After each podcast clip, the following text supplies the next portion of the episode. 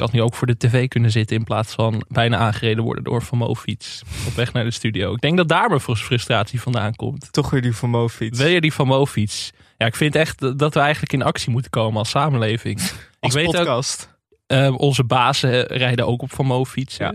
Dat vind ik eigenlijk, dat is bijna een breekpunt. Hmm. Kijk, zolang we betaald krijgen, ben ik bereid daar overheen te stappen. Maar ik met moeite. Ik denk ook wel dat elke podcastbaas op een vermogen fiets dat denk ik ook. Rijdt. Maar ik vind dat, dat Podimo, Pod, Podimo, Podimo, Podimo moet gewoon verbieden. Elke, ja. Iedereen die, die voor Podimo werkt, geen Van fiets. Als je contract tekent? Dan gewoon, dan staat daarin als nummer 1, zeg maar artikel 1, wat whatever. Ik, ik weet niet hoe ik dit in het Deens moet zeggen, maar als iemand goed Deens spreekt, vertaal dit even. Mhm. Verbod op Van fietsen. Klein begin is het halve werk. En e-bikes, hoe sta je daar tegenover? Ook niet. Ook die, die belachelijke scootertjes. Ja. Dat is helemaal gek. Dat vind ik misschien nog wel erger. Ik vind e-bikes altijd zo erg, omdat het vaak wat oudere mensen zijn. En dat is zo'n deuk in je ego als die Ja. je voorbij flitsen. En je ziet ook niet altijd of het dan elektrisch fietsen. En toch denk je, ja, het is een elektrisch fiets, maar hij of zij is me wel voorbij geflitst. Nou, het gaat me niet eens om die fiets, maar vooral om de mensen die op die fiets zitten. Want ze kijken je meestal dan ook nog zo vals lachend aan. Zo van, Ja. sukkel op je stadfiets van 30 jaar oud. en nou, maar ja, goed. Ja, de, de- daar komt mijn frustratie vandaan. Maar voor de rest ben ik heel vrolijk.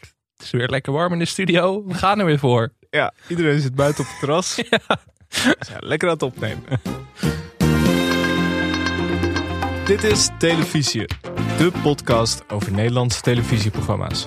Mijn naam is Michel Dodeman. Tegenover mij zit Alex Mazereel. En wij kijken lineaire tv, zodat jullie dat ook gaan doen. In deze aflevering bespreken we het programma Undercover in Nederland. Wil je ook een programma indienen en extra content beluisteren? Word dan vriend van de show via de link in de beschrijving. Ja, Alex. Het is eh, donderdag. Normaal nemen we altijd op op maandag. Alleen, ehm, Ja, de tijdlijn loopt heel erg door elkaar. Want we gaan ook nog iets over de Passion maken. Maar dat is eigenlijk al geweest als de mensen dit luisteren. Ik Ja. vond het de beste Passion tot nu toe. Laat ik Ja. daar dat alvast zeggen. Ik vond het een rebelse Jezus. Rebelse Jezus, moderne Jezus ook. Echt dat je denkt van, oh, dit is gewoon Jezus, maar dan 2000 jaar later. Ja, Eh, voortreffelijk, ik kan niet anders zeggen. het is ook, we hebben de daily al opgenomen. Normaal, die moet ook nog uitkomen. Dus het is heel, ik, heel weet, verwarrend. ik weet echt niet meer waar ik het allemaal over gehad heb. nee, ik ook niet. Zoveel tv-meningen gehad weer, dat ik denk, nou ja, misschien als we in herhaling vallen, laat het weten. Interesseert me geen reet trouwens, maar dat, nee, volgens mij eh, hebben we wel eh, genoeg leuke dingen. Maar ik heb dus wel een vaag vermoeden dat er dit weekend weer van alles gaat gebeuren. Ja, het is, maar het is onvermijdelijk. Het is wat dat Ja. betreft ook een goede tijd om een eh, televisiepodcast te hebben. Zeker. genoeg. Woensdag was het weer zover. Half acht. Johnny Mol nog steeds in opspraak. Kijk, dit wordt dus dinsdag uitgezonden. Neem op donderdag op. Ik neem aan dat Johnny dinsdag nog steeds in opspraak is. Er kan nog van alles gebeuren. Maar in ieder geval, ja, hij werd weer ondervraagd door een wingman. Eh, ditmaal eh, Rutger Kastikum. En ik zat te denken, moet Johnny niet gewoon wingman van het programma worden? Gewoon vaste wingman en dan met wisselende presentatoren. En dan elke week ondervraagd worden over hoe het nu weer gaat. Nou ja, elke dag. Want het is eigenlijk bij Hilde van 8, als je de eerste vijf minuten hebt gezien, dat is altijd wel het meeste spektakel. Ja, er kijken niet zoveel mensen, maar ja, ik heb er nog nooit zo'n... Nou, ik denk dat ze wel het hoogste, hoogste percentage kijkcijfers zeg maar, voor de eerste vijf minuten hebben. Want Ja, ik zet hem altijd de eerste vijf minuten even aan van, kijk wat er nou weer... eh, je had toch altijd bij de Wereld Door die, die kijkcijferspecialist. Die dan Ja, zegt ja. van ja, als jullie dit liedje instart, ja, dan zept iedereen weg. Ja. Maar dat, die man is volgens mij overleden, dus die kan er zelf niet meer. Maar ja, als hij bij Johnny de Mol zeg maar, daar analyses over had kunnen geven, dan had hij gewoon kunnen zeggen: Johnny moet de hele aflevering lang excuses aanbieden, meewarig zijn, mea culpa's maken. Of gewoon vijf minuten lang het programma. Beginnen met de persoonlijke ontboezeming. Dan met permissie naar de muziek en dan afsluiten. de muzikale column van Dries Roelvink gewoon er weer in. Dat, dat lijkt me wel leuk. Ehm, heb je verder nog iets gezien eh, afgelopen week? Ja, voordat we daar naartoe gaan, ehm, toch ook een andere klap deze week. Winston Gersta, Gerstana, Gerstanovic is Ja. in opspraak geraakt. Winston G. Toch de, de, de, de absolute tophost van 50-50 en Marble Mania. Toch even een klap. Ja, ik zat te denken, eh, mijn vraag aan jou. Kan jij nog naar programma's als Car Wars en Marble Mania... Ja, kan je daar nog onbevangen, onbevooroordeeld Wordt wel kijken? lastiger nu. Of is dat nu toch een smet op uh, Winston's... het is net als met Seward, zeg maar. Je houdt van die jongen en dan ineens doet hij iets waarvan je denkt... hoe, hoe kan hij dit nou doen? Ja. Dus nee, ja, het is, het is heel pijnlijk. Het is altijd degene waarvan je het niet verwacht. Nee, precies. Dus ik vrees ook dat wij nu alle content die aan Winston gerelateerd is offline moeten halen. Marble Mania aflevering offline. Maar het, het is belangrijk om uh, te zeggen, het is niet illegaal wat Winston gedaan heeft. Nee, zeker niet. Maar het is niet netjes. Nee, en, maar als hij zijn kant van het verhaal... Wij gaan hem natuurlijk nog niet veroordelen voordat... Nee. Uh, kijk, als hij zijn kant van het verhaal hier wil vertellen... En en passant wil vertellen over het nieuwe seizoen van Car Wars dat er hopelijk komt. Welke nieuwe gast er in Marble Mania zit, ja, dan mag hij komen. Hij is altijd welkom. Ja. Um, Eus Boekenclub. Eus Boekenclub. Zeg ik even. Zomaar uit het niets. Ja. Het was Boekenweek. Heb jij ervan genoten als schrijver? Ja, zeker. Het uh, is toch altijd... Uh, toch even een momentje dat je zo in de boekhandel staat van... Ga, is, is het Boekenweekgeschenk goed genoeg om er dus altijd even de recensies afwachten? Die waren best wel lovend, dus uh, ik, heb een, ik heb een boek gekocht. Um, verder ja, Eus Boekenclub. ja, goed. Heerlijk programma. Heel goed. Um, ja, ja uh, gewoon goed programma. Stefano Keizers, de onvermijdelijke Stefano Keizers. Die is echt sidekick gewoon overal nu inmiddels. Mm. Dat zegt zeg maar wat Ruben en Tijl zijn op RTL. Dat is Stefano eigenlijk voor elk programma nu. Ja, en ook Stefano voor, erbij, dan wordt het leuk. Voor elke zender. Voor elke zender, maakt niet uit waar hij zit. Hij zit bij De Verraders. Hij zat, uh, waar zat hij nog meer? Het slimste mens. Uh, hij heeft eigenlijk elk programma wel een keer gedaan. Ja, en het is ook altijd leuk, laten we eerlijk zijn. Ja, um, Eus Boekenclub vanuit Deventer. Uh, Eus natuurlijk uh, beschermheer van, uh, van Deventer. Herman Koch zat aan de bar. Ik vind het trouwens, Stefano Keizers en Eus is wel... We hebben twee weken geleden onwaarschijnlijke duet gehad. Ja. Het is een onwaarschijnlijk duo, vond ik het. Ja. Echt wel twee werelden die bij elkaar komen. Ze moeten ook nog steeds een beetje aan elkaar wennen. Dat idee had ik een ja. beetje. Ik vond uh, mijn favoriete onderdeel is de verzamelaar. Ja, dat was heel goed. Dat was in de aflevering met Herman Koch, die op woensdag werd uitgezonden, was dat een vrouw die, uh, ja, een mevrouw die boeken verzamelt waarin een titel, of nee, een getal in de titel staat. Ja. Uh, 13 Reasons Why en dat soort titels. Ja, en ze lezen vaak ook. En ze probeert ook zoveel mogelijk verschillende getallen te vinden. Dus bijvoorbeeld volgens mij 42. Ja. Die was moeilijk. Zeldzaam. 13 kwam heel vaak voor. Dat was ze zat. Daar was Ja. ze klaar mee. Ja. Geen boeken uitbrengen met 13 in de titel dus. Even Nee. een oproepje aan alle schrijvers. Niet meer doen. Maar dat, dat vond ik het allerleukste item inderdaad. Want het ging allemaal over patronen in hun boekencollectie. De dag ervoor ging het ook... Er was een man een verhaal aan het houden over vooroorlogse taboes. En dat ging dan over condooms of zo. Ik was hem helemaal kwijt, maar ik vond het wel fascinerend. Ja. Ja. Ook eh, burgemeester van Nijmegen, Hubert Bruls. Eh, Goede voorlezer. Want de voorlezen. burgemeester, eh, elke dag komt er een burgemeester langs. Die neemt een boek mee en die gaat er ook uit voorlezen. Hij citeerde ook nog Public Enemy-. Ja, heel Don't goed. Believe the Hype. Ja. Had ik niet achter hem gezocht. En dan heb je nog de boekenclub. Twee BN'ers gaan in gesprek over een boek met de schrijver. Ja. Ja, het was Eh. een beetje alsof ze, alsof ze een spreekbeurt mochten houden. Van Ja. Herman Koch, ik heb jouw boek gelezen. Dit is Ja. wat ik eruit haalde. Vond ik wel leuk. Je zag Herman Koch in het begin ook heel ongemakkelijk zo een beetje zitten. Zo ja. En wat gaat Donnie nou zeggen? Weet je wel, dan zit je toch ongemakkelijk op je stoel, kan ik me Ja, voorstellen. de twee BN'ers waren Donny en Dione de Graaf. Ik ben echt groot fan van eh, Donny. Die vertelde ook dat hij het luisterboek van Herman Koch heeft geluisterd terwijl hij naar Darten aan het kijken was. Ja, hij begon met, eh, dit was het eerste boek dat ik geluisterd had. Vond ik, vond ik wel poëtisch. Ik denk, Ja. oh, hm, Ik heb ook nog nooit een boek geluisterd. ik ook niet. Ik weet ook Ehm, niet of dat leuk is. Nee. Daar heb je podcast voor, hè?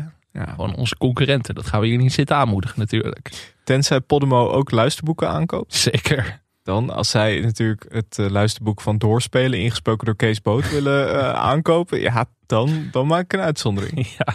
Maar, eh, ja, ik zei een heerlijk programma, maar ik heb wel een puntje van kritiek.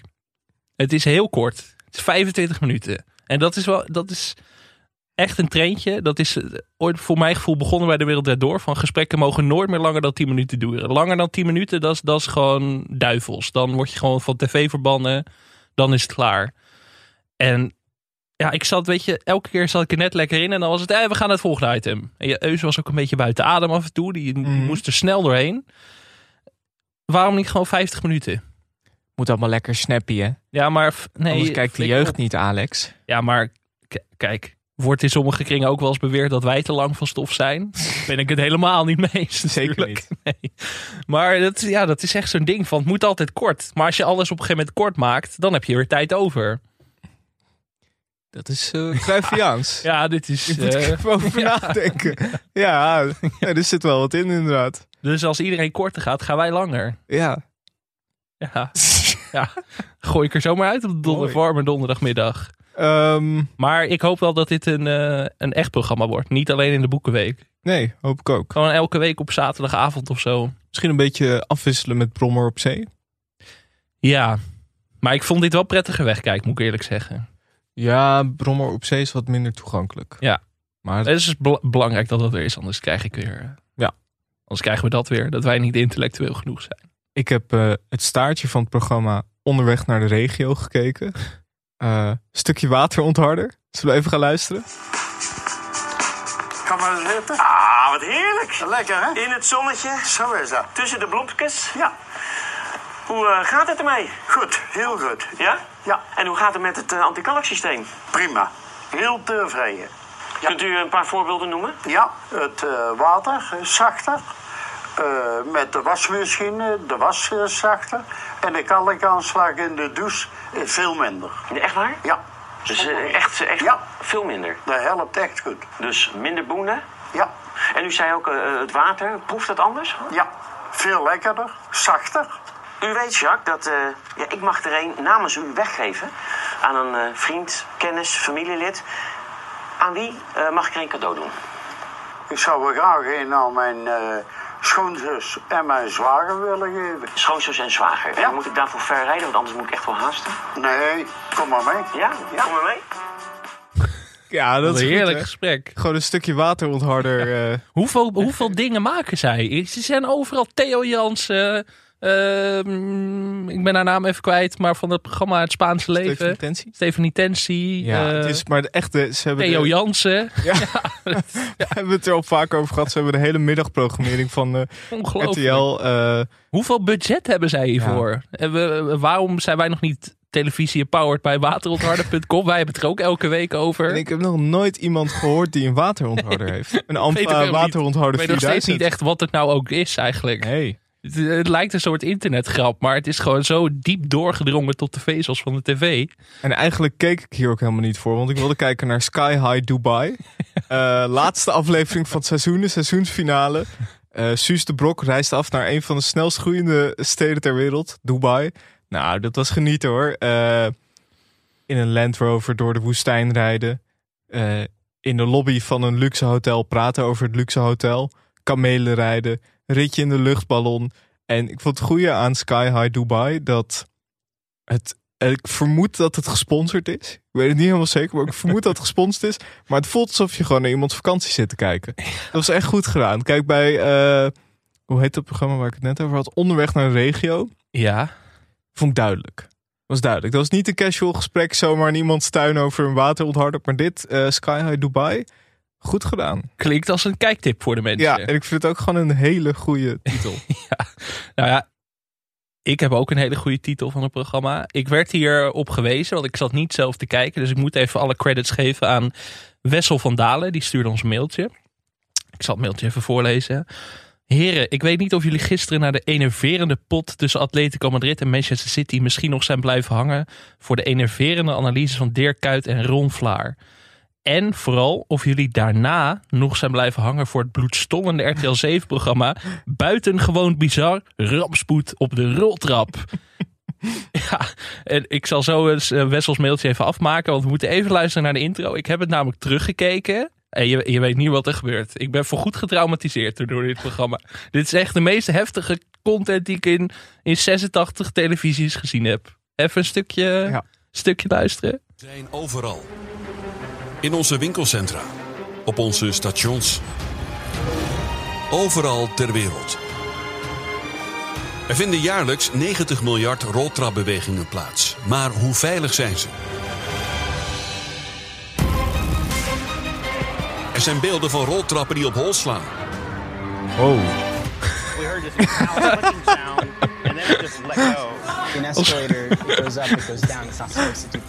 Van reizigers Ja, alsof het een soort aliens zijn. jeetje mina. Wow. Oh, nu zie je... Ja, je ziet allemaal roltrappen. Oh. Het is heel heftig. Oh, maar ze doen niet alleen roltrap. Het is ook, eh, eh, Ja, maar ook op windsport. Het eerste, het eerste item ging over een man in Istanbul die opgezogen werd door een roltrap. Of, eh, je zag eerst zeg maar mensen, de roltrap stond stil. Dus mensen liepen gewoon zo alsof ze op een trap liepen naar beneden, weet je wel. Je denkt niks aan de hand. En op een gegeven moment begint die roltrap begint helemaal door te draaien. Je ziet zo'n man gewoon opgeslokt worden door die roltrap. Redacteurs zijn voor dit programma lijkt me zo lastig. Want hoe vind je al die mensen die een traumatische ervaring met een roltrap hebben meegemaakt? Nou ja, ik weet één ding zeker. Ik ga nooit meer op een roltrap staan in dit programma. Ik heb, er, ik heb er tien minuten van gekeken. Ik dacht, no- nope, dit gaan we nooit meer doen. Ik vind het ook zo mooi. RTL eh 7, die, die weten natuurlijk... Was het RTL 7? Ja, Ja. toch? Die weten natuurlijk van Champions League. Hè? Eh, Het was de kwartfinale. Daar kijken veel mensen naar. Daar moet je gebruik van maken. Hè? Dan moet je, Dan moet je iets een knaller meepakken. achter zetten. Dan moet je iets meepakken waarvan de mensen gewoon echt van blijven hangen. Ja, roltrappen. Die man die werd opgeslokt door de roltrap was licht gewond. Dat was een gelukkig. geruststelling. Nou ja, gelukkig dat het niet zwaarder was. Maar ja, nee, dit is echt het engste. Kijk, ik kan, ik- horror is een van mijn favoriete filmgenres. Maar dit vond ik te ver gaan hoor. Ja, Dit was echt true crime van heb ik jou daar. Holy shit, wat een programma. Maar eh, ja, als je hiervan houdt, buitengewoon bizar. Een rampspoed op de roltrap. En ehm, ja, Wessel die had dus gewoon een uur gekeken. een uur. Een uur gekeken. Die zei ook van, ik heb gewoon een uur gekeken naar een buitengewoon bizarre compilatie van op hol slaande roltrappen, vliegende skiliften en stapels mensen. Ja. Stapels mensen. Slachtoffers kwamen aan het woord en experts analyseerden hoe dit fout kon gaan. Zeker het terugkijken waar mocht je van de week geen slaap willen vatten. Ik zal in ieder geval nooit meer normaal de roltrap betreden. Ik zal nooit meer de roltrap betreden, dat weet ik wel. Ik ga wel, dan, dan, dan maar niet naar de trein of naar de metro. Ik vind het goed. Uitstek, toch maar van Moof heb je dan nodig. Wel uitstekende tip van eh, Wessel. Dankjewel daarvoor.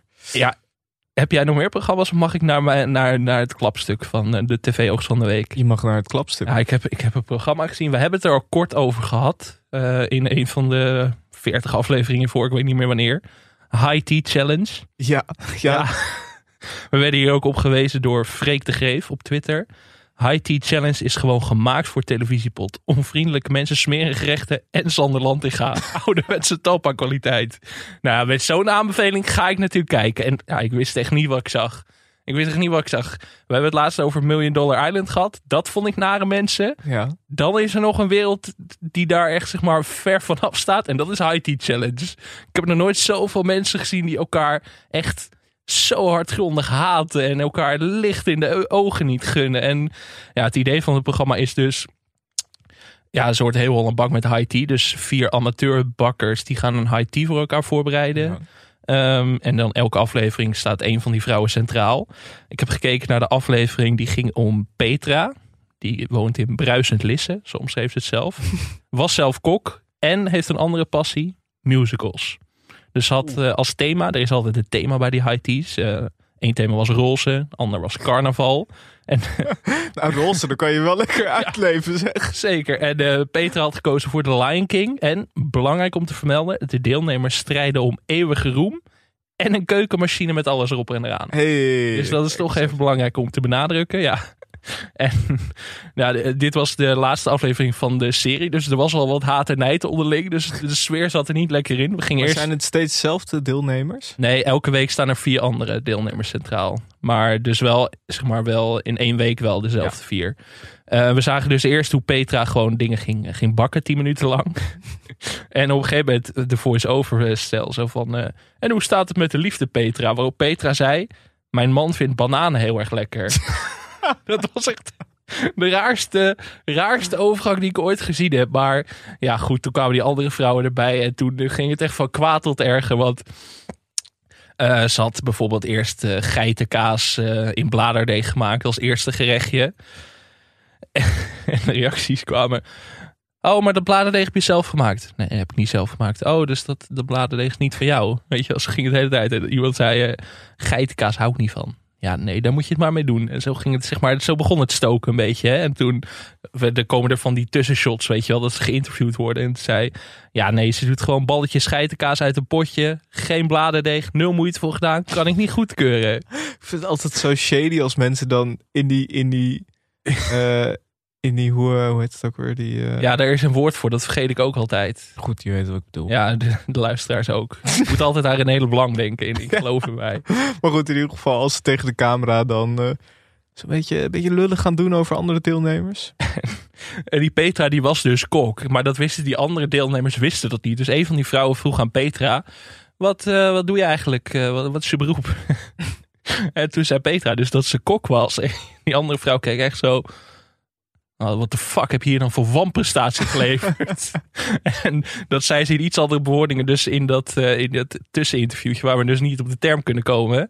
En toen zei ze, ja, ik had hier echt, echt meer van verwacht. Maar het absolute hoogtepunt moeten we even naar gaan luisteren. Dat, dat, ja, dat, dat is voor mij echt misschien wel het tv-hoogtepunt van het jaar qua ongemak. Ik had echt, toen ik hoorde dat zij kok was, zoveel meer verwacht. Waar ik vind dat de chefkok de plank mis heeft geslagen... is dat ze ons een eh, voordelig horecaminuutje voorgeschoteld heeft. Een voordelig horecamenuutje is niet het allereerste wat je wil horen over je noeste arbeid, maar Petra is helemaal happy. Die staat heerlijk te Hakuna Matata tuinen. Hakuna Matata. Ach, je hebt het toch niet? Oh nee. Het Kuma Matata. Het is maar hoe je het ziet. Ik heb geen zorgen, zorg maar dat je geniet. Het is een theorie, filosofie. Hakuna Matata. Mooi. Leuk. Oh, wat is het emotional. En je weet wel wat Hakuna Matata betekent, hè? Eh, zo ging het dus de hele aflevering lang. Oh, het duurt wat maar is dit 22 minuten. Maar ja, een beter portret van de mensen in de 21ste eeuw ga je niet vinden dan dit Ik hoor. vind Sander Lantinga ook een hele goede voice-over. Hij heeft automatisch iets, iets sarrends. Ja. Heel goed voor dit programma. Dit programma was ook zo intens cynisch. Normaal kan ik daar niet zo goed tegen. Maar ja, dit was dan wel weer zo over de top dat het leuk werd. Maar vooral inderdaad, kijk, het zingen, daar heb ik respect voor. Dat je daar gewoon geen schaamte in kent, dat vind ik altijd goed. Maar vooral de blikken van de vrouwen aan tafel waren heel erg goed. We hebben het laatst natuurlijk gehad over meeknikkers in talkshows als er wordt opgetreden. Mhm. Hier werd niet meegeknikt. Hier zag iedereen vooral kijken van... Godverdomme, ik wil graag naar huis. Maar ja, echt ja, een ongekend programma. Ik denk wel dat ik weer ga kijken. Want dit, hier viel ik toevallig dan in omdat Freek eh, zei van... jullie moeten dit gaan kijken. Ongekend. Echt ongekend. Heel goed. Ehm zullen we gaan naar het nieuws van de week? Weer geen ruimte voor vrouwen die bouwen. Dat wordt Nee, wel ja. pijnlijk nu. Nou ja, Ja, volgende hem week. toch? Nee, ja, Nee, ja, nee, we hebben er nu echt geen tijd meer voor. Nee, zit Kort hè? Snappy. 23 minuten zitten we op. Ehm Media-ondernemer Ruud Hendricks. Heb je het ook gelezen? Ik heb het ook opgeschreven. Ja. Bom, Nee, bom in. Medialand. Ja. Die denkt dat NPO, RTL en SBS lang niet meer de enige zijn met een talkshow. Want hij denkt dat bijvoorbeeld Netflix en eh, Videoland, Amazon ook met talkshows gaan komen. Ja, natuurlijk heb ik dit opgeschreven. Ik denk van als we dit zelf gaan benoemen. En ik weet dat er mensen zijn die bij streamingdiensten werken. die hier naar luisteren. Ja, je wilt toch streamingdiensten bereiken over het algemeen een jonger publiek. Wij ook. Ik zeg 1 plus 1 is 2. Lijkt mij duidelijk. Maar eh, zie, zie je dit voor je? Ehm, nou, Amazon gaat al een beetje die kant op, toch? Die hebben dat napraatprogramma over Million Dollar Island bijvoorbeeld. Ja, dat wel. Maar bedoel je niet net Talking Head? Ja, ja, Ja. Talking Head. Ja, Moeilijk, moeilijke term ook. maar, ehm, Maar Amazon heeft al, dat is nog geen echte talkshow, maar wel een beetje die richting op. Wel Ja. iets wat ook op tv makkelijk uitgezonden zou kunnen worden. maar zie jij, zie jij echt een, eh, een Matthijs, een Eva, een, eh, een Johnny? Matthijs op Netflix zie ik toch al voor me, gek genoeg. Ik, ik, vind, ik zou het heel raar vinden om een talkshow op Netflix te hebben. Maar aan de andere kant, waarom niet?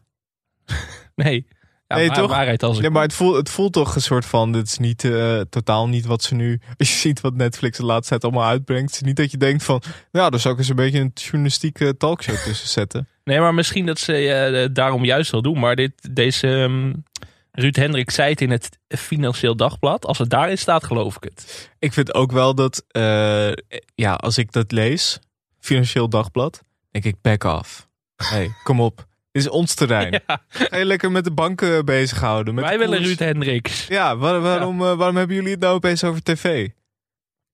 Heb jij dat nieuwe Netflix-programma Is It Cake gezien? Ja, ik heb een stukje gezien, ja.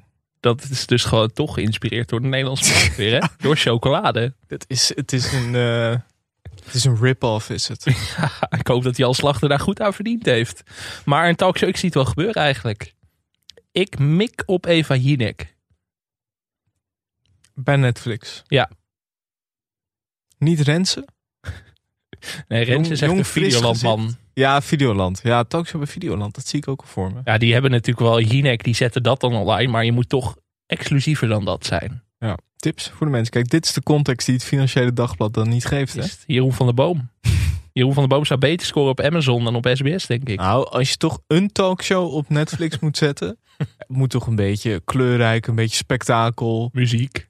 Muziek, eh, celebrities. Hoge Bomen is eigenlijk al een Netflix-serie die gewoon bij de verkeerde zender zit nu. Ja, Kunnen ze ook grotere namen, meer budget waarschijnlijk.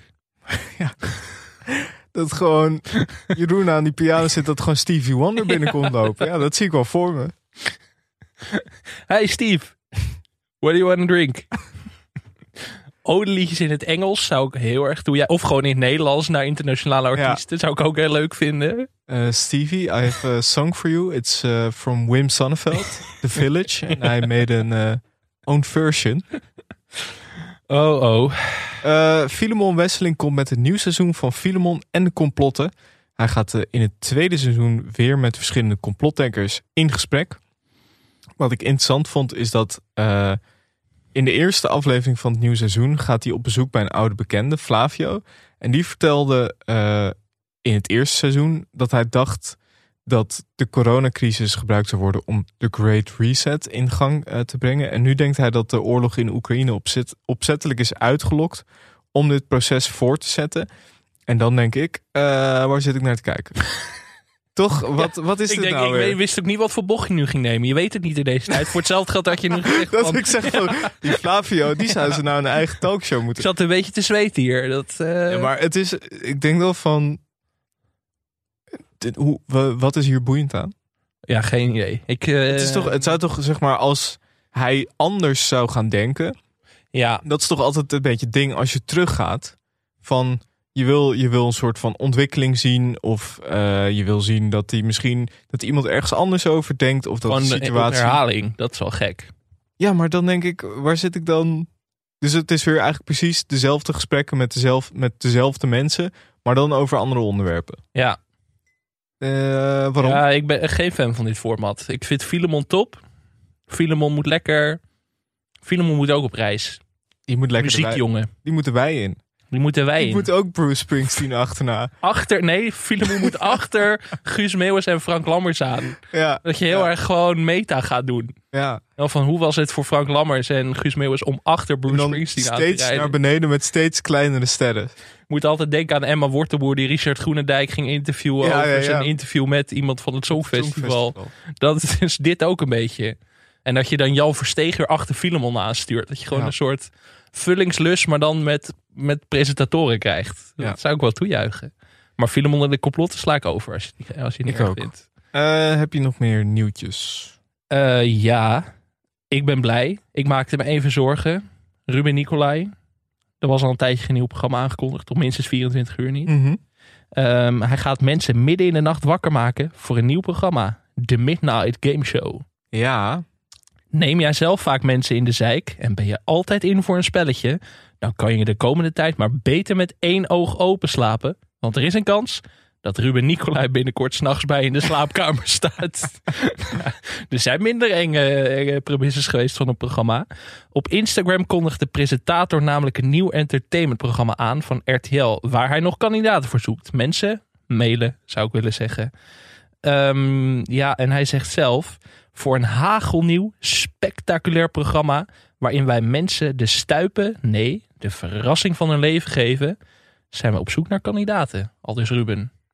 ik, eh, Voorman, man. ja, ik, eh, ik ben wel erg benieuwd. Ja, Ruben Nicolai in een slaapkamer. Dat is. Dat, Het is volgens mij ook eh, deels, gedeels ge- geïnspireerd op een programma uit Engeland. En nou, kijk, met Ruben Nicolai kan je dat het leuk wordt, hè? Je, kan niet, je kan niet miszitten, toch? Ja, er waren nogal wat andere nieuwtjes. Ja, twee korte nieuwtjes meenemen. Gaat me wel aan het hart dit namelijk. Huub Stapel, weer een nieuwe serie. We hadden het van de week over het tweede seizoen van Het Dorp. Mhm. Het prachtige programma met Wim Daniels in de, in de motor. Ja. Kijktip voor alle mensen. Snel bingen dat eerste seizoen. Hij gaat een nieuwe vierdelige documentaire reeks maken. En hier zit je in mijn straat. Hij gaat namelijk het programma Eens ging de zee hier tekeer maken. Informatieve serie over de geschiedenis van de Zuiderzee. Kijk, Nee, hier hadden ze mij voor moeten bellen. Waar komt Huub Stapel? Komt uit Limburg. Wat heeft Huub Stapel met de Zuiderzee? Ik ben opgegroeid in een Zuiderzeestad. Dat kunnen niet veel mensen zeggen. Huub Stapel, Limburgse mijnen. Er is helemaal geen zee in Limburg. Wat gaat hij daar doen dan? Hij heeft nooit water gezien in zijn leven. Wat gaat Huub daar doen? Ja, je zou toch ook denken van... Kijk, eh, om jou meteen voor de leeuw te gooien in zo'n vierdelige serie. Ja, Ja, dat is, dat is een... Maar dan zou je zeggen, Huub Stapel, jouw sidekick. ja, ja, ik denk dat Huub en ik een heel goed duo zouden zijn. Goede geschiedenis hebben jullie ook samen Ja, natuurlijk. Ja, maar is, hij eh, spreekt met zowel deskundigen als met directe nazaten van de voormalig kustbewoners. Van die, eh, van die knappe grijsha- grijsharige mannen kan je het gewoon niet winnen. Nee, Bij de NPO. ongelooflijk, ongelooflijk. krijgen allemaal een eigen programma. Allemaal een eigen programma. En wij zitten straks, ja, Moet- waar zitten wij? Je moet nog zeker 30 jaar wachten voordat jij ook in dat, eh, in dat laadje komt. We maken er maar 60 van. Dat duurt nog wel even hoor. En ik wil nog even afsluiten.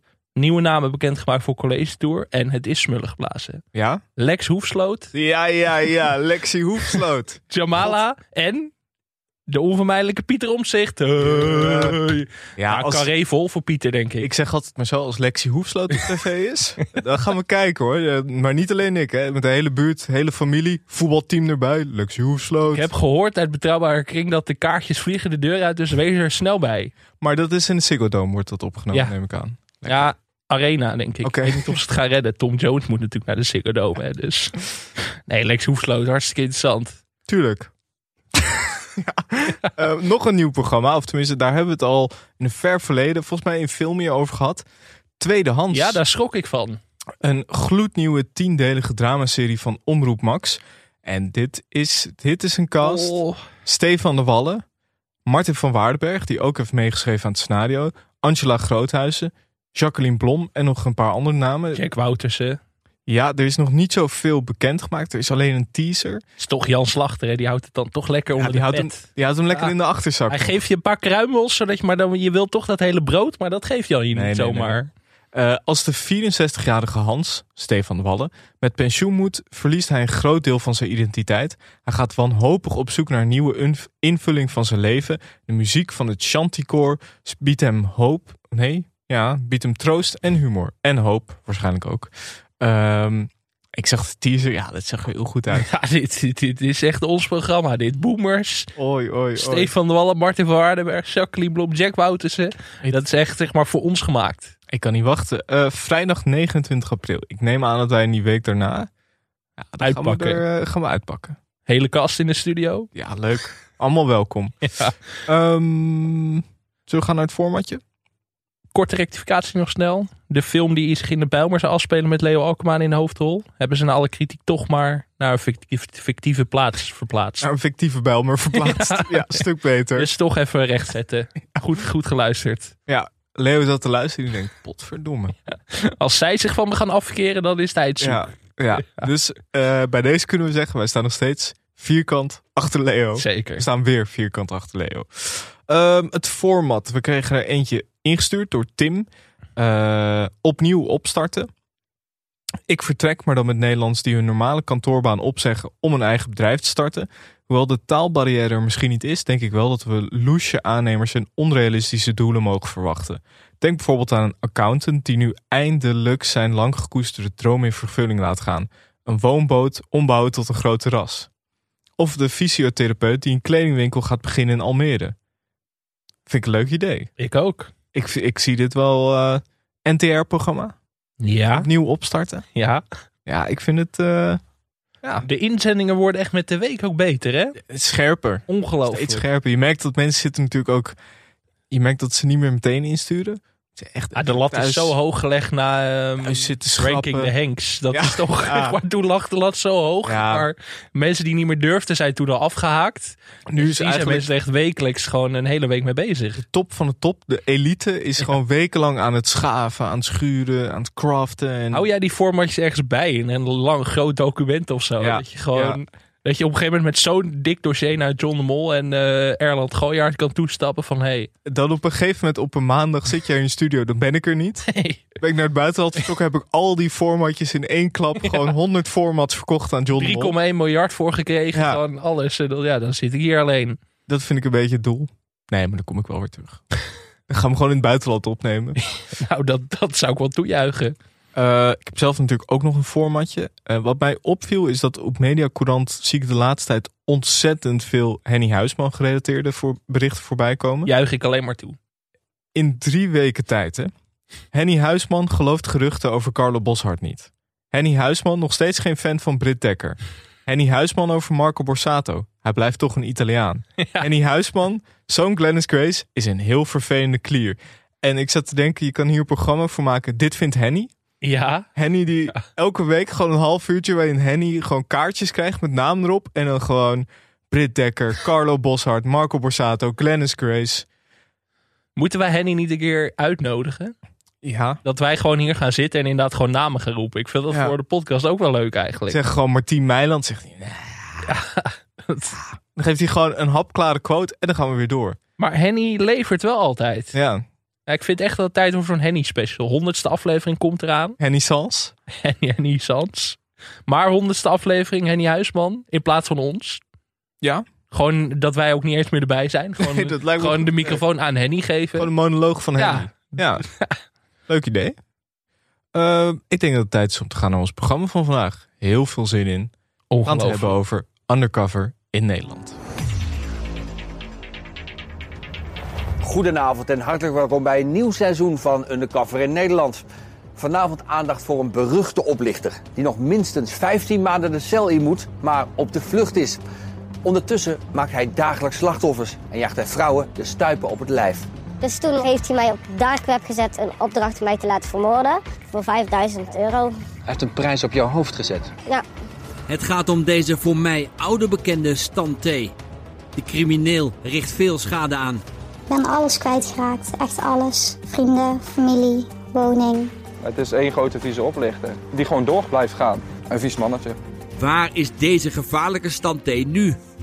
Ons onderzoek brengt ons tot in België. Gaat nu rijden? Hij gaat nu rijden. Ja, Ik ga volgen. Standaard achter het stuur. wij komen tegemoet. Lukt het ons de volledig ontspoorde crimineel te laten aanhouden? Maar wacht eens op. U ziet het vanavond in Undercover in Nederland.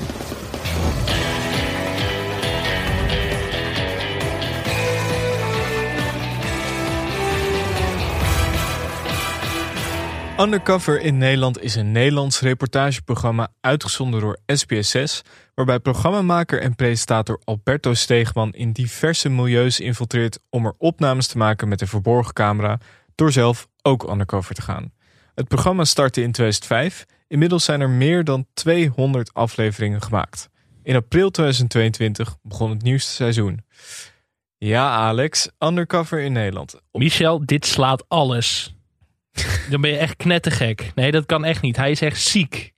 Dit slaat echt alles en het wordt hoog tijd dat hij achter de tralies verdwijnt. Zo praat ik nu de hele dag. Ja, Alberto Stegeman. Och, och, och. Dit was eh, fantastisch. Ja, ik, ik zeg eigenlijk uit mezelf undercover.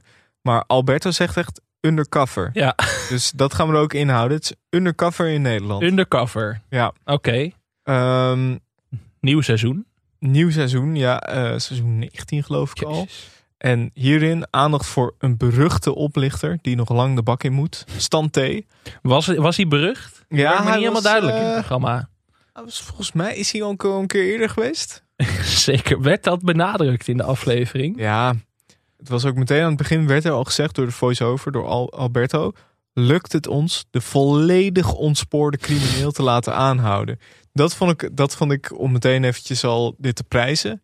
Heel goed. Werd Ja. he- heel erg, zeg maar, vooruitgekeken en een soort van, gaat het ons lukken? Wij weten het niet. Jij weet het ook nog niet. Er zitten twee pauzes in. Spanningsboog. Ja, Spanningsboog van heb ik jou daar. en ik was er wel gevoelig voor, merkte ik. Ik ook. Ja. Het, was, het was echt heel Ging er goed. met eh, boter en suiker in wat dat God, het betreft. was heel goed, eh eh, was goed opgebouwd. Begon ook al, het, ook een goede intro tune. Ja, Echt Goed. bombastisch. Ja, Ja, ja. En het, het begon al best wel snel met dat Albert zei, we hebben veel oplichters ontmaskerd. Maar ik ken niemand die zoveel slachtoffers heeft gemaakt met Stan, dan eh Stan T.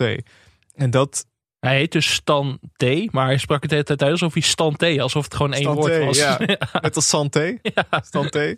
Maar dat vind ik altijd wel goed. Er zit altijd eh, bij eh misdaadverslaggevers en undercover journalisten en zo hebben altijd iets licht pocherigs. Ja. We hebben al heel veel, maar deze gaan we ook nog pakken. Ja, maar ze stralen altijd, en dat is bij de NPO veel gebruikt woord, urgentie. Stralen ze altijd uit. Als Ja. je urgentie zoekt, dan moet je naar misdaadverslaggevers Ja, kijken. als je Alberto ziet met dat leren jasje en dat nektasje. In een tuin. Ja, dan Dat is me ook opgevallen. Alberto staat altijd in de tuin. Ja. Echt een tuinenman. Ja, dan weet je van, dit is, dit is aan. Maar je hebt Alberto zeg maar in de zomer, heeft hij alleen een polootje aan. Ja. Niet heel gevaarlijk, maar met dat leren jasje. Ja, dan, dan ja, een soort... Ja, ik, ik, zag, ik zag hem te kijken, een soort gevaarlijke Hugo Lochtenberg. Daar moest ik een beetje aan denken. Dat was het eerste wat ik opschreef. Nou, en als je zijn dictie hoort Ja. bij de voice-over, dan moet ik heel erg aan Ivonie denken. Precies dezelfde dictie, moet je wel eens opletten. Ehm, Alberto ontmoet Stans laatste ex. Eh, in, 2022, of, eh, in 2020 ontmaskerde Albe- Alberto Stan al de eerste keer. Stan T. Eh, Stan T. ja, ik kan het ook niet meer. Stan T gewoon. Ehm, ja, die Stan T. die bood niet bestaande vakantiehuizen aan. Stalkte en bedreigde vriendinnen. Eh, maar hij gebruikte ook zieke kinderen om voetbalshirts te krijgen die hij doorverkocht voor geld. Hele grimmige verhalen tussendoor. Deed ook alsof hij lid was van Satudara. En het zaten echt de gekste dingen. Het was wel een... eh, Het ging inderdaad echt van een shirt van een Olympiakos-speler los weken van naar een kind uit de buik willen snijden. Het was Ja, heel, heel normaal. grimmig. Eh, de- daar had ik me een beetje op verkeken. Ik Ja. dacht dat Alberto ook in het wat lichtere segment zat. Ik maar dacht zat- een beetje het Bastianer en boevengenre, maar dat is, viel me een beetje tegen. Ah, ik zat een beetje te kijken op wat hij allemaal gedaan heeft. En toch wel veel GHB, eh pedofiele, Oh, dat goed. moord. Oh, oké. eh, nee, nee, niet. Juist niet. Nee. Ehm, ja, vorige keer in 2020 zei Stan T dat hij in 2018 al was gestopt. Maar daarna werd hij nog een keer voor zware mishandelingen eh, opgepakt. En in maart 2021 is hij veroordeeld voor 29 keer oplichting. Veel. Dat is Toch ook wel weer respect voor. een oeuvre. Wel een volhouder. Een oeuvre is Ja. dat. Eh, en ook voor bedreiging, stalking en vernieling. En hij moet dus de gevangenis in, maar waar is hij? Zodra hij gesignaleerd wordt, mag hij opgepakt worden. En dat moet je net niet tegen Albert Steegman zeggen. Nee, dat, dan gaat Alberto erachteraan. Maar ja, we zagen dus ook veel flashbacks naar die 2020 aflevering. Er zaten een paar gekke dingen in. Het ging om meer over een seksadvertentie. Dat de moeder vertelde Ja. dat haar dochter op marktplaats stond. En zij zelf ook.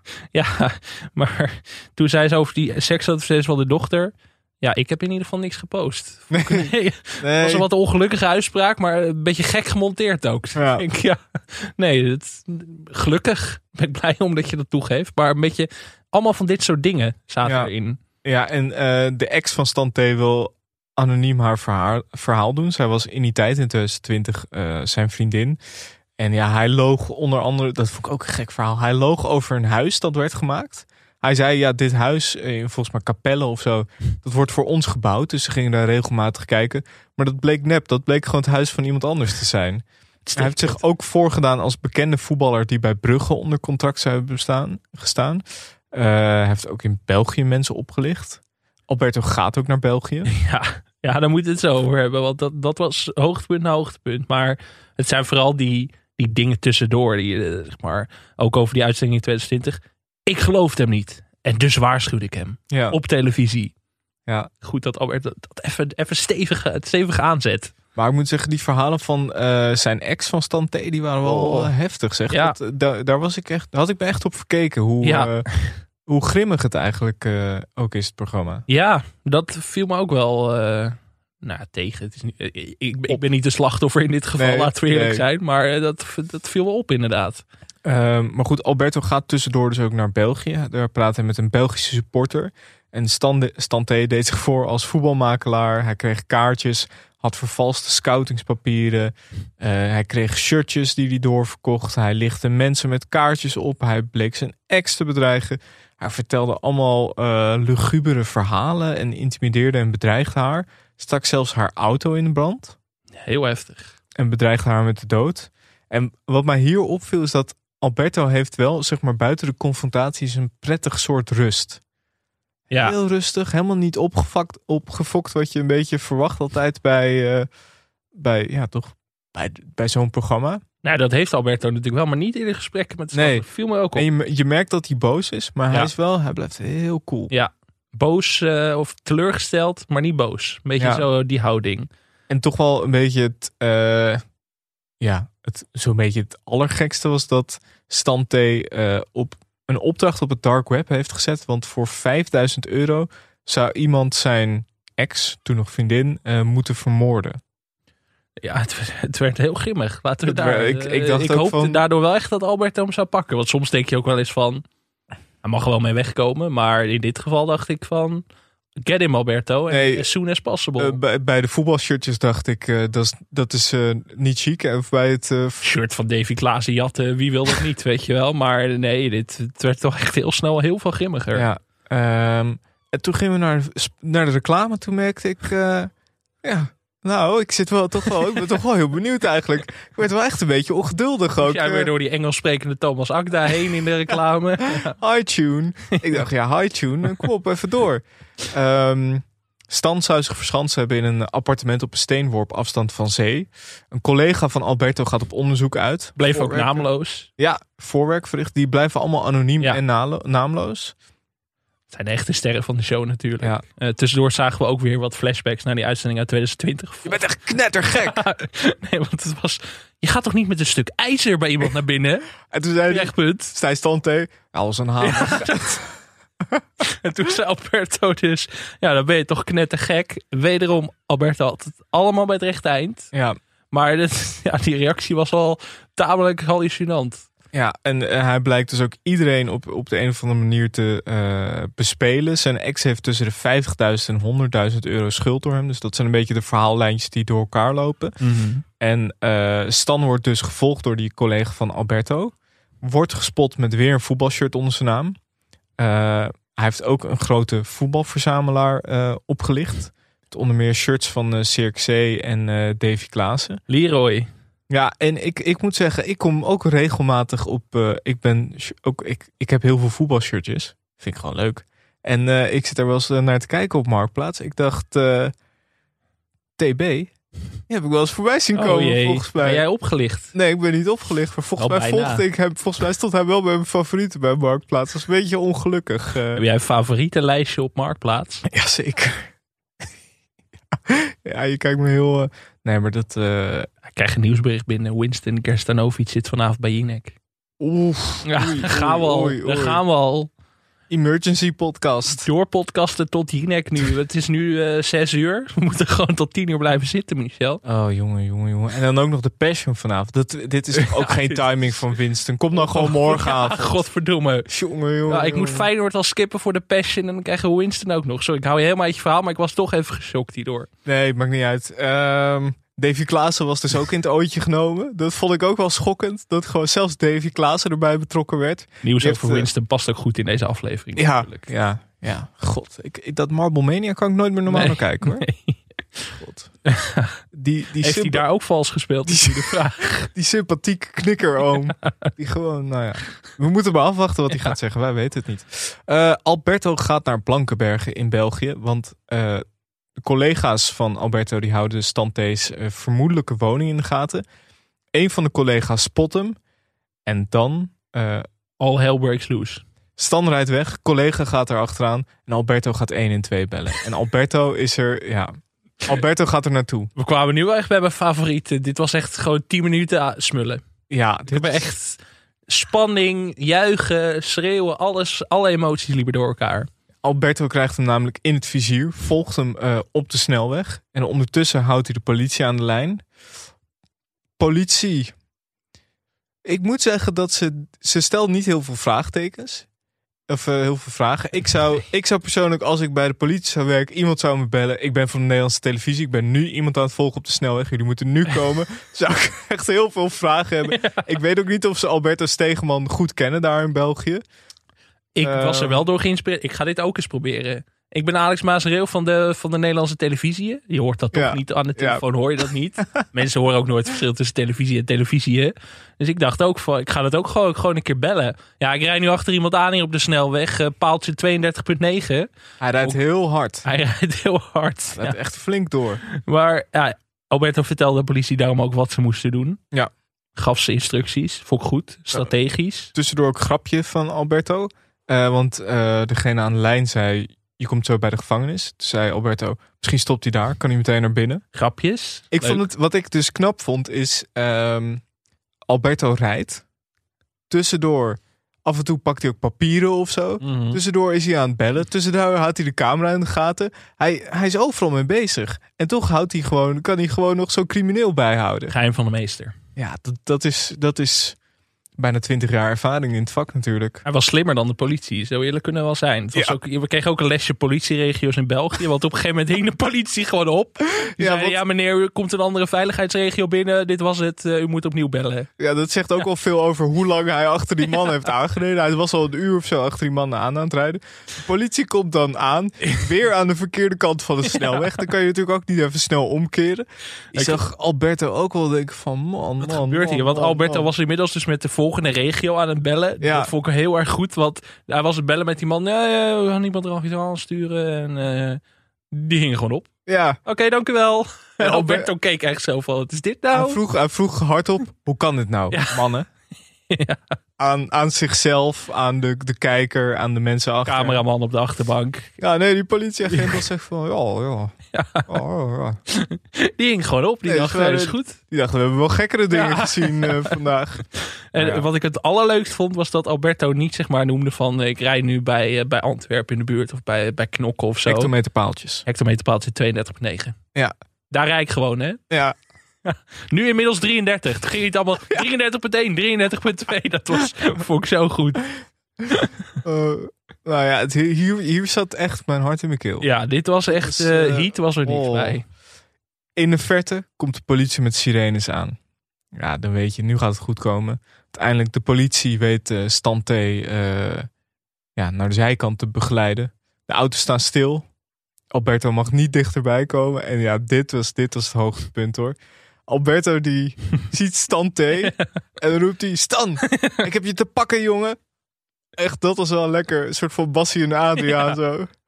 Oh, En hij moest ook op afstand blijven. Ja. En, eh, dat, ja, hij had natuurlijk even de confrontatie aan willen gaan. Maar ook hier weer de politie.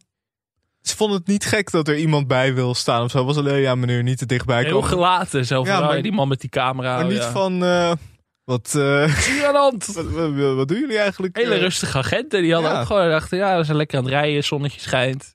Ja, Alberto moet dus terug de auto in. Die zegt, lekker dit hè. Ja, Hier zien we echt een enthousiaste... ik Dat- vond vooral de reactie van de cameraman op de achterbank heel leuk. Want Alberto zegt dan, lekker dit hè. En die cameraman, ja super. Ja, maar wat, wat ik goed vind aan Alberto is, eh, even, even een zijsprongetje, maar op in, ik zat op zijn Instagram account te kijken en daar zag ik een foto van een glunderende Alberto bij de rechtbank. Als tekst stond erbij, gesprekje bij rechtbank over een vonnis tegen een dader die we hebben laten arresteren. Binnenkort meer. Hashtag twee jaar brommen. Hashtag undercover in Nederland. Hij kan echt blij worden van iemand Ja. die opgepakt wordt. Echt, Hij was eh, zo blij. eh, glunderen, maar niet Vond een ook soort leuk. niet alleen dat verbeten, maar ook gewoon een soort van echt enthousiast. Gewoon Ik dacht alleen maar, eh, Alberto zo snel mogelijk minister van Veiligheid en Justitie. Dit is de crime fighter die je nodig hebt. Daarna staat het busje met Stante stil. Oh, dat was ook weer goed hoor. Kan Alberto zich niet Nee, inhouden. eerst nog even zo'n knikje, zo van Ja. lachen en zo even zo subtiel. Een knikje, nog net geen knipoog. Ja. En daarna, ja. Hij kijkt niet eens. Dag Stan. Ja. Hij kijkt niet eens. Wat een flapdrol. Hierna wordt hij dan ook nog gebeld door de politie. Stam blijkt een valse naam te hebben opgegeven. Nou, dan je moet je net- net Alberto hebben. Wat een brutaliteit. Hij is echt gek.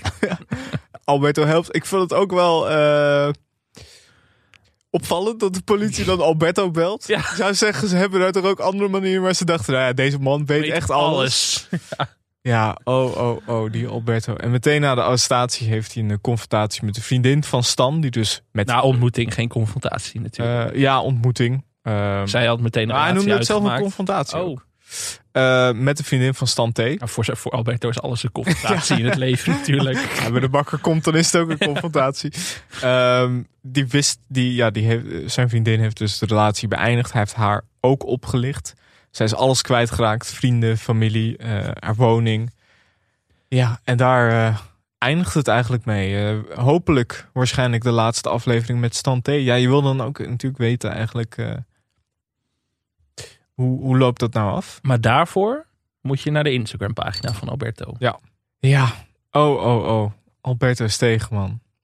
Ja, ik, ik moet zeggen, jij stelde dit voor. Toen dacht ik, eh, weet, weet niet zo goed. Ik vind Alberto altijd wel tof. Maar ja, weet je, je staat natuurlijk in zoveel schaduw. Je staat in de schaduw van een Kees van der Spek, een Thijs Zeeman, een John van Heuvel. Mhm. Dat is toch altijd maar afwachten hoe dat uitpakt. Maar wat jij zegt, ik, ik heb echt vol emotie op de bank gezeten. Het was echt smullen. We hebben natuurlijk eerder al eh, Peter R. de Vries, misdaadverslaggever, besproken. Ehm, twee jaar geleden, denk ik. Mhm. En dat vonden we allebei al echt een heel leuk programma. Ja, dat, dat was al heel goed. Fascinerend was dat. Daar hebben we het ook eh, uitgebreid over gehad. Maar het, het Alberto Stegeman-universum, ja, fantastisch. Het enige eh mindere aan deze aflevering was natuurlijk dat er geen vermomming was. Ja, dat was wel een klap. Want Undercover was er niet echt bij. Nee, eh, maar hij heeft natuurlijk een paar vermommingen. Frans de Jonge, Eddie Meijer. En mijn persoonlijke favoriet, Jacques, eh, de pensionaris. En ja, het, wat ik dus het, het allerleukste vind, is... ehm, nou, zullen, zullen we het straks hebben over de beste momenten van Ja, Alberto? Ja, Ja. Eerst, nog, eerst nog eventjes gewoon, want wat hij door de jaren heen allemaal gedaan heeft. Meegedaan aan illegale straatraces. heeft een aflevering gemaakt over de secte Miracle of Love. heeft ook een uitzending gemaakt over harddrugs. Waarin tegelijkertijd ook nog een werknemer van Ikea kwam. Die uit het magazijn goederen steelt. Eh, een, een volkszanger, Martin Melro, heeft hij ook eh, ontmaskerd. Nou, het is echt. Het zijn de, ge- je kan het echt zo gek niet bedenken of Alberto heeft, eh, heeft het eh, besproken en behandeld. Ik zat wel te denken, misdaadverslaggevers. Waar zou je Alberto ranken? Als we, als we even een paar namen opnoemen. Alberto Stegeman, John van Heuvel, Thijs Zeeman, Kees van der Spek, Ewout Genemans. Nou, ik denk eh, van dit rijtje. Ik heb ook altijd heel erg zwak voor Kees van der Spek. Ja, ja, dat is wel een moeilijke keuze hoor. Kees van der Spek heeft die stem. Ja. Dat is een soort van extra factor bij hem. Maar ik denk dat Alberto is. Nou, staat misschien wel van, deze van dit rijtje bovenaan. John van der Heuvel is natuurlijk goed. Maar die is niet zo spectaculair als Alberto. Ik vind die vermommingen vind ik echt, echt dat, dat geeft je al zoveel pluspunten. Thijs Zeeman natuurlijk ook goed, maar degelijk. Eh Ewout Genemans, ja, ook wel. Maar ik vind hem niet echt een, niet de pure misdaad. Een eh, Het jongen is- die van alle markten multitalent. Bon, bon Vivant, die, die wil lekker uitwaaien. Die kan ook gewoon zo, zo'n rooijakkers over de vloer gewoon doen, weet je wel. De- dus ik vind, Albert Steegman kan niet rooijakkers over de vloer doen. Toch? Nee, dat zou heel gek hier worden. Nee. Dat binnenkomt bij, ik vind dat Vroger. En wat is dit dan? Hè? Hè? Hè? het knettergek, jij jongen. Nee, maar ik vind Alberto Steegman, die heeft wel het hele, het hele spectrum of zo beheerst hij. Gewoon het hele... Ik was altijd een beetje geïntimideerd door Alberto Stegeman. Logisch ook, als je naar zijn programma kijkt. Het is niet zo dat je denkt van met die man wil ik een biertje drinken. Maar hij zat een paar jaar geleden, volgens mij was het begin 2021, zat hij bij Dit Was Het Nieuws. Ja, ik weet wel wat je Ja. gaat noemen. Nee, dat verhaal moeten we zo ook maar eventjes op, eh, voorlezen. Maar toen vond ik hem heel sympathiek. Oh, nee, Maar daar kwam hij heel goed uit. Ja, maar dan moeten we ook meteen naar het verhaal der verhalen natuurlijk. Ehm, Ja, de titel van het Mediacourant artikel was... TV-ster Alberto Stegeman poept in bosje tijdens opnames SBS 6. Ja, hij gaf aan dat hij regelmatig eh, van de spanning... eh, nou, tenminste dat hij minstens één keer in een, in een bosje heeft gepoept. Ja. Met voor een confrontatie.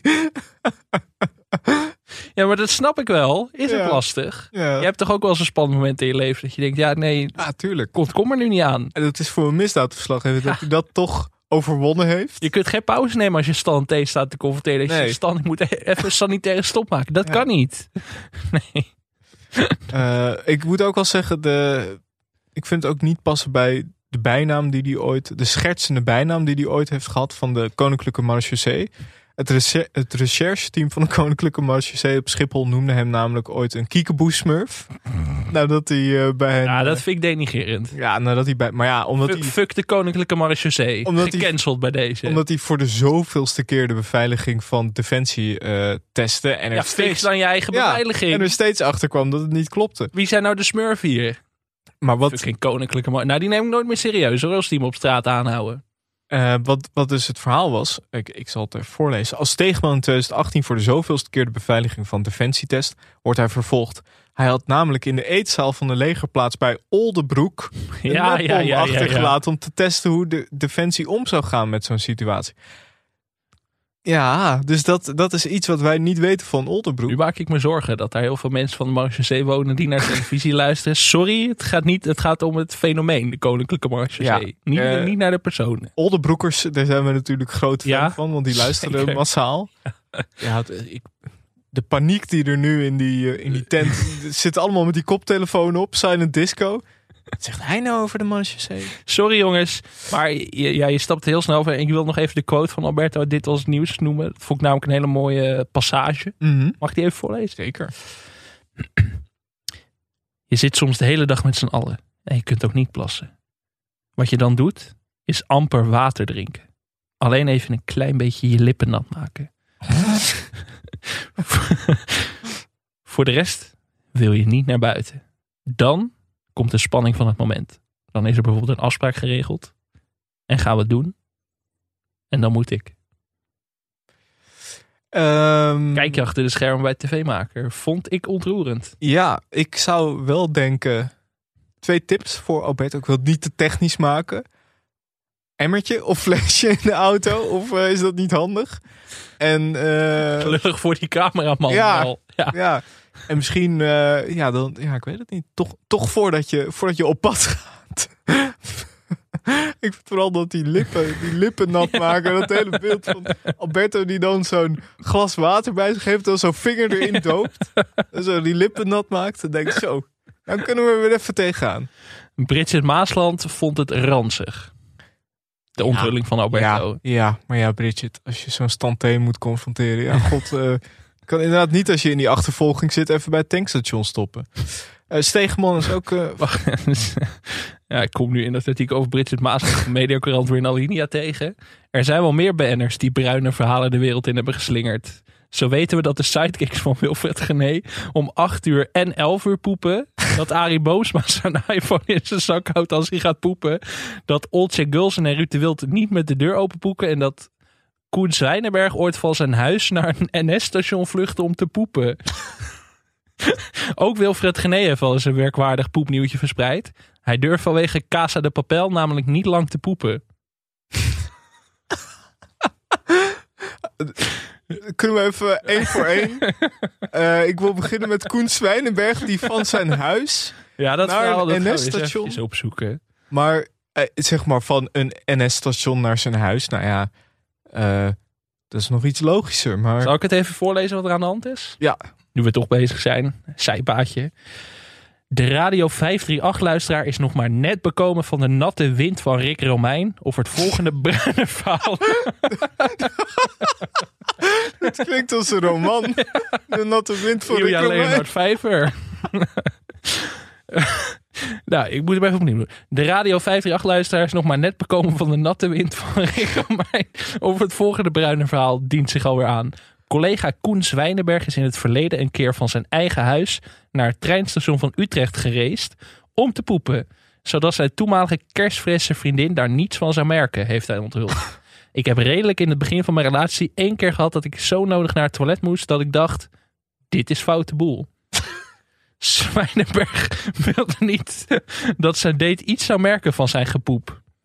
Bij het treinstation stond Zwijnenbergs vaste noodtoilet. Daar stond nog zo'n toilet buiten, bij het busstation. Iets beter dan een Dixie. Je moest er geld in doen en dan ging dat ding dicht. Toen ging het dicht en toen, puntje, puntje, puntje. Daarna ben ik weer weg, weggereden. Dus hij vond het te raar om in zijn eigen huis te poepen op een date. Oké. Maar hij vond het wel normaal dat hij naar buiten rende tijdens de date. Dus stel je voor dat je gewoon de kerstverse vriendin van Koen Zwijnenberg zit- bent. Die zit op de bank. Hij zegt, ja, ik loop even naar het toilet. En dan zie je hem zo de straat uitrennen naar het station. Ja, dit is radio hè. dat is een apart slagsoort. Wil je de andere anekdotes ook nog factchecken? Ehm, wat was die, die van Wilfred Gené over La Casa de Papel? Vond ik wel heel leuk, ja. Een personage beweerde in die serie dat je dan allemaal hele kleine poepdeeltjes verspreidt in de lucht als je zit te poepen. Dat is me het meest bijgebleven van die serie. Ik schrok daar enorm van. Oh, ik, ik dacht meer dat een soort van... Spanning. Dat, ja, dat hij dacht Ja. van... Ik, ik ben dan... Ik zit op het toilet en er wordt ingebroken of zo. Of, eh, Ik heb nog even onderzoek gedaan naar de natte wind van Rick en Mijn. dat verhaal wil ik niet weten. Dat kunnen we niet vertellen. Ik heb het net gelezen. Dat, dat kunnen mensen niet aan. Nee, dat is... eh, Oh. We plaatsen de link wel in de show notes. Maar lees op eigen risico. Dat is echt heel smerig. Ja, en Arie Boomsma, die, eh, ja, die, die kan niet eh, op zijn telefoon op de wc. Rustmomentje pakken. Nou, wat goed. Laat hij weten op Instagram. Ik wilde eigenlijk zeggen dat Albertus Stegeman eh, een fanatiek pokerspeler is. maar ja, dat is een beetje ondergesneeuwd nu bij dat verhaal van Koen Zwijnenberg. Als ik nu langs een NS-station fiets en zo'n wc zie, dan denk ik alleen maar, daar is Koen Zwijnenberg. Oh, oh, oh. We hebben Ehm. veel Koen en Sander besproken in deze aflevering. Zeg, gaan we ook geen gewoonte voor maken. Eh, zullen we even naar de beste momenten van Albertus Stegeman. Een paar persoonlijke favorieten. Ja, ik heb er een paar meegenomen. Zullen we gewoon eventjes eh, langs gaan? Dit, dit vond ik, deze confrontatie, het was ergens in eh, Duitsland. Je moet Alberto geen vriend noemen. Vijf jaar geleden. Nee, waarom praat je niet met mij? Je moet gewoon aftikken. Ja. Je hebt echt een probleem, vriend. Trek je voor de rechter, vriend. ja Jij en de rechter? Ik zal jou eens wat vertellen. Hou je bek gewoon, joh. Dat is het aller- enige en wat het- jij kunt, met de rechter dreigen. Het allerlaatste wat jij mij moet noemen is vriend. Dan weet je dat. Dit vond ik echt iets uit een soort van Nederlandse speelfilm uit de jaren tachtig. Godverdomme. Het allerlaatste wat je mij moet noemen is een vriend. Dan weet je dat. Goeie tonkas in zou dat zijn. Ja, een beetje plan, eh, plan C. Ja. Wat ik altijd de beste momenten vind, is als hij eh, heel snel uit karakter gaat. Gewoon meteen. Dat hij eigenlijk een alter ego heeft, maar dat dat eigenlijk niet nodig was. Mhm. En ik had het net over dat Alberto de dictie van Ivonie heeft. Hier hoor je dat. Dan moet je even opletten. Een vrouw duwt zijn rolstoel en zij zou zomaar eens de taxichauffeur kunnen zijn. Ik besluit Bart maar meteen aan te spreken. Maar ik blijf nog wel even in mijn rol als Jacques. Hallo Bart. Mag ik jou wat vragen? Ken jij eh, Angela en Monica? Als ik zeker weet dat hij met deze taxi gaat, laat ik hem weten wie ik ben. Zal ik jou eens wat vertellen? Hij ook niet. Ik ken, ik ken die meiden wel en die zijn helemaal kapot gemaakt door jou. Ja, mooi. Dat, eh, En je weet, en je weet precies wat ik bedoel nu, hè? Goeie stem, hè? Ja.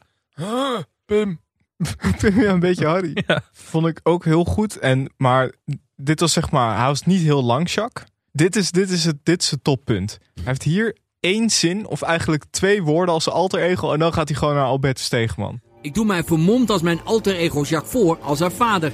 En sta op het punt om hem aan te spreken. Hey Sanne. Hey! Jij loopt even met mij mee. Wat dan?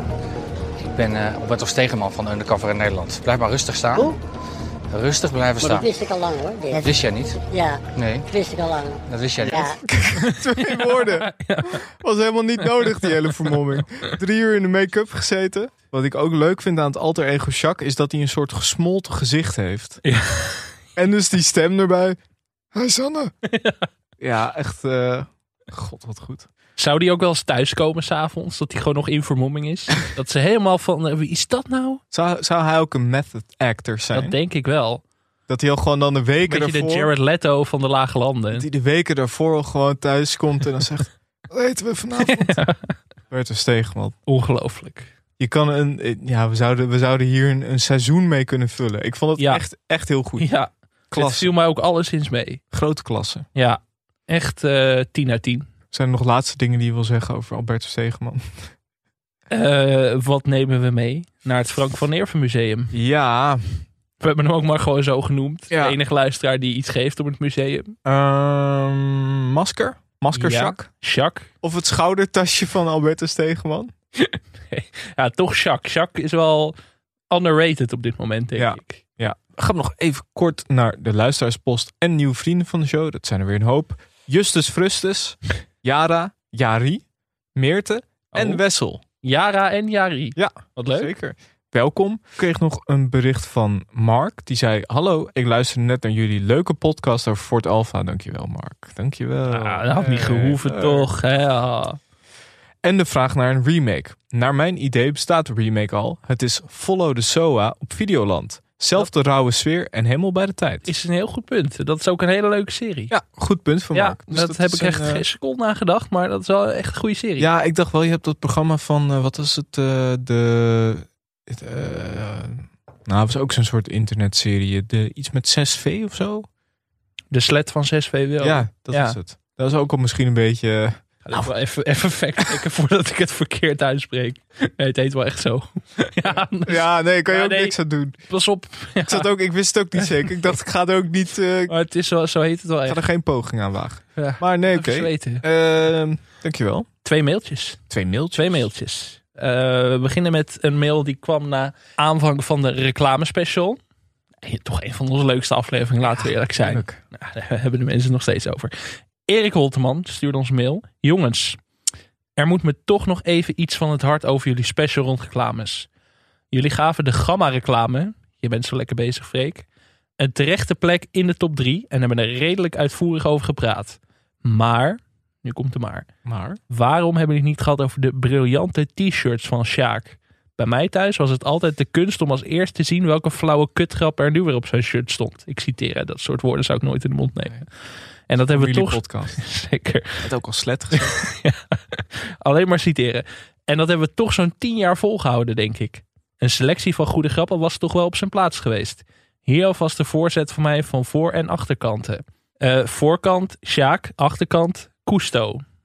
Tussen haakjes, nog altijd hoe mijn vader mensen in een duikpak aanspreekt. Voorbeeld 2. Voorkant, wie het laatst lacht. Achterkant, snap de grap niet. Derde voorbeeld. Voorkant, ik draai me nog één keer om.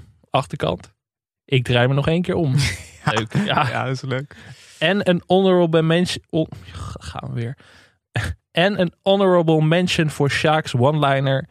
Design van de Gamma als het over designmeubels gaat. Design van de Gamma. Ja, ja, ja. Leuk hè?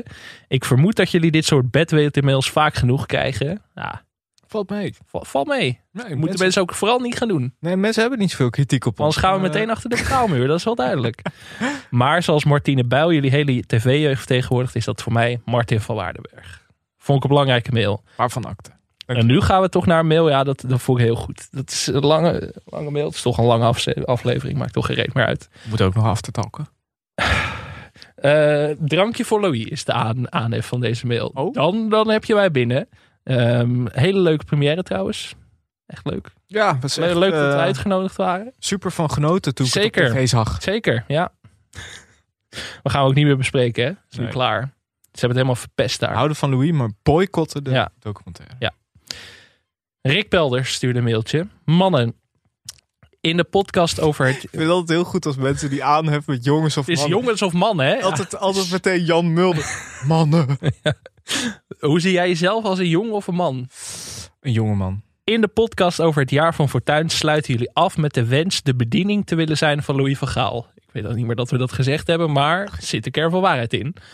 Ik heb de eer, het geluk en het genoegen gehad om dit één keer te mogen meemaken. Nee. Tijdens mijn studententijd werkte ik als bedieningsmedewerker op veel verschillende locaties, waaronder een golfclub. Op deze club was een keer een Spieren voor Spieren golfdag. Op deze dag waren ambassadeurs en sponsoren van dit goede doel samen aan het golfen. Dit waren onder meer Ronald de Boer, Ja. Joël Veldman Zo. en nog een aantal sporters die me vooral van gezicht bekend voorkwamen. De Steve Kuipers van de sportwereld. maar als grote fenomenen toch vooral Louis en Truus. Ik was hiervan al door het doel heen, dat snap ik. Maar toen kwam het allerleukste. Louis zat in de wijk waar ik de bediening mocht lopen. Dat zal wel eh, beroepsdeformatie zijn in de wijk. het zal niet een echte wijk zijn geweest. Nee, de- nee, misschien een beetje net zoals je krantenwijk hebt. Nee, we hebben allebei nooit in de horeca gewerkt, dat merk je. Nee. Het gehele diner ging die bediening helaas voor Louis onopgemerkt. Ik kreeg wel erkenning dat er eten was. Dat ziet er lekker uit, jongeman. of het wijntje mocht bijgeschonken worden. Nou, het is een goede dag vandaag. Ik lust er nog één. Ik kan Louis niet nadoen. Denk hierbij zelf de stem van Louis en de karakteristieke intonatie, zegt, eh, zegt Rick ook. Maar ja, dat kan ik dus niet zo goed. Sorry. Maar helaas kreeg ik na het dessert toch de Valentijn Driessen behandeling. Louis wou na het eten graag een kop koffie, maar niet zomaar koffie. Graag een latte macchiato met dubbele espresso, waarvan ik eerst de espresso erin wil en daarna pas de latte macchiato. Ja. Je zou zeggen simpel. Dat, Ja. dat denk ik ook als ik dit lees. Van wie kan dat niet, weet je wel? Maar helaas had mijn collega mij verkeerd begrepen en zette ze een standaard latte macchiato. Oei, oei, oei. En daarna de tweede espresso. Godverdomme. Ja. Dat kan niet. Louis, de virtueuze connoisseur proefde dit natuurlijk direct. Ja. Jongeman, kom jij eens hier. Had ik niet heel duidelijk besteld eerst de espresso en daarna de latte macchiato? Dit is niet goed gegaan. Waarom is dit fout gegaan? Uiteraard moest ik diep door het stof en mijn excuses aanbieden. En natuurlijk een nieuwe halen en voor de zekerheid zelf gezet. Nou jongeman, deze is zoals ik het wil inderdaad. Dit is jou een stuk beter gelukt. Ja, dat is, dat is, ja, dat is hoogtepunt. Uiteraard zat ik daarna wel in zak en as, want ik had mijn kennismaking met Louis verknald. Maar, kijk, en nu, nu komen we bij de uitsmijter. Bij het verlaten van de zaal kwam Louis nog speciaal naar mij toe. Met een goede van rode wijn doorspekte stem en bulderend kreeg ik toegedicht. Het was fantastisch vandaag. Je hebt ons goed verzorgd. Truus en ik zijn je dankbaar. Alleen jammer van de koffie. Maar dat mocht de pret niet drukken. Hierna kreeg ik een hand en verdween Louis in de taxi. Helaas heb ik deze hand later wel moeten wassen om hygiënische redenen. Maar mijn ontmoeting met Louis van Gaal zal me eeuwig bijblijven. Fantastisch. Ik deel dit verhaal met jullie omdat ik jullie toch wil behoeden voor wat je te wachten staat als jullie Louis ooit zouden mogen bed- bedienen. Ja, dit is een heel goed Dit is verhaal. een heel goed verhaal. Ik denk dat weinig mensen zo goed eh, Louis van Gaal eh, verhaal hebben hoor. Van, mensen, zeg maar van onze luisteraars. Dit is ook echt nieuw. Die hierdoor, kijk, ja, als, we, als we Rick gewoon eerder ingeschakeld hadden, hadden we natuurlijk wel naar die première gekund. Ik, heb, ik ben ooit op de foto geweest met Louis van Gaal. En eh, toen maakte ik een foto, maar het was een beetje een donkere. eh, het was zeg maar ergens binnen en het was een beetje donker. En de foto was op zich, hij was een beetje donker, maar hij was op zich wel gewoon oké. Ik kon ermee uit de voeten. En er waren natuurlijk nog meer mensen. Ik helemaal zenuwachtig, want was Louis. Toen zei hij ook tegen me: Is die niet wat donker? maar ik durfde niet te zeggen van. Dus ik zo: Nee, ja, nee, hij is wel goed hoor. Oké. Ja, ja Louis. Ah. Fantastisch. Och. Het eh, lijkt me een mooie afsluiting van een eh, marathon eh, aflevering. Vind je deze aflevering leuk en wil je meer van ons? Vergeet dan niet te abonneren. Laat een reactie achter op iTunes en geef ons sterren op Spotify. Je kan ook vriend van de show worden voor extra content. Dat kan op vriendvandeshow.nl slash televisiepodcast. Complimenten mogen publiekelijk gedeeld worden, maar vergeet ons niet te taggen via televisiepod. Je kan ons ook mailen via televisiepodcast.gmail.com. Veel dank aan Dag en Nacht Media, aan Studio Cloak voor Tune en aan Weidse Valkema voor de illustratie. Eh, tot over anderhalve week. Nee joh. Ja, over een week. Maar voor ons. Oh, ja. Niet voor, voor de luisteraar. Om het, om het daar even minder verwarrend te maken. We zijn er gewoon op dinsdag. Ja. Ja. Ja. Tot dan. Ja, maar ik even voor, voor ons tweeën. Ja, nee, heel goed voor mijn eigen agenda. Is Ja, het fijn. ja. Lekker een weekje geen tv kijken. Geintje natuurlijk. Dat, dat kunnen we niet. Het is een verslaving. Akuna Matata. Ach, je hebt het toch niet? Het Kuma Matata. Het is maar hoe je het ziet. Ik heb geen zorgen, zorg maar dat je geniet. Het is een theorie, filosofie. Hakuna Matata. Mooi. Leuk. You did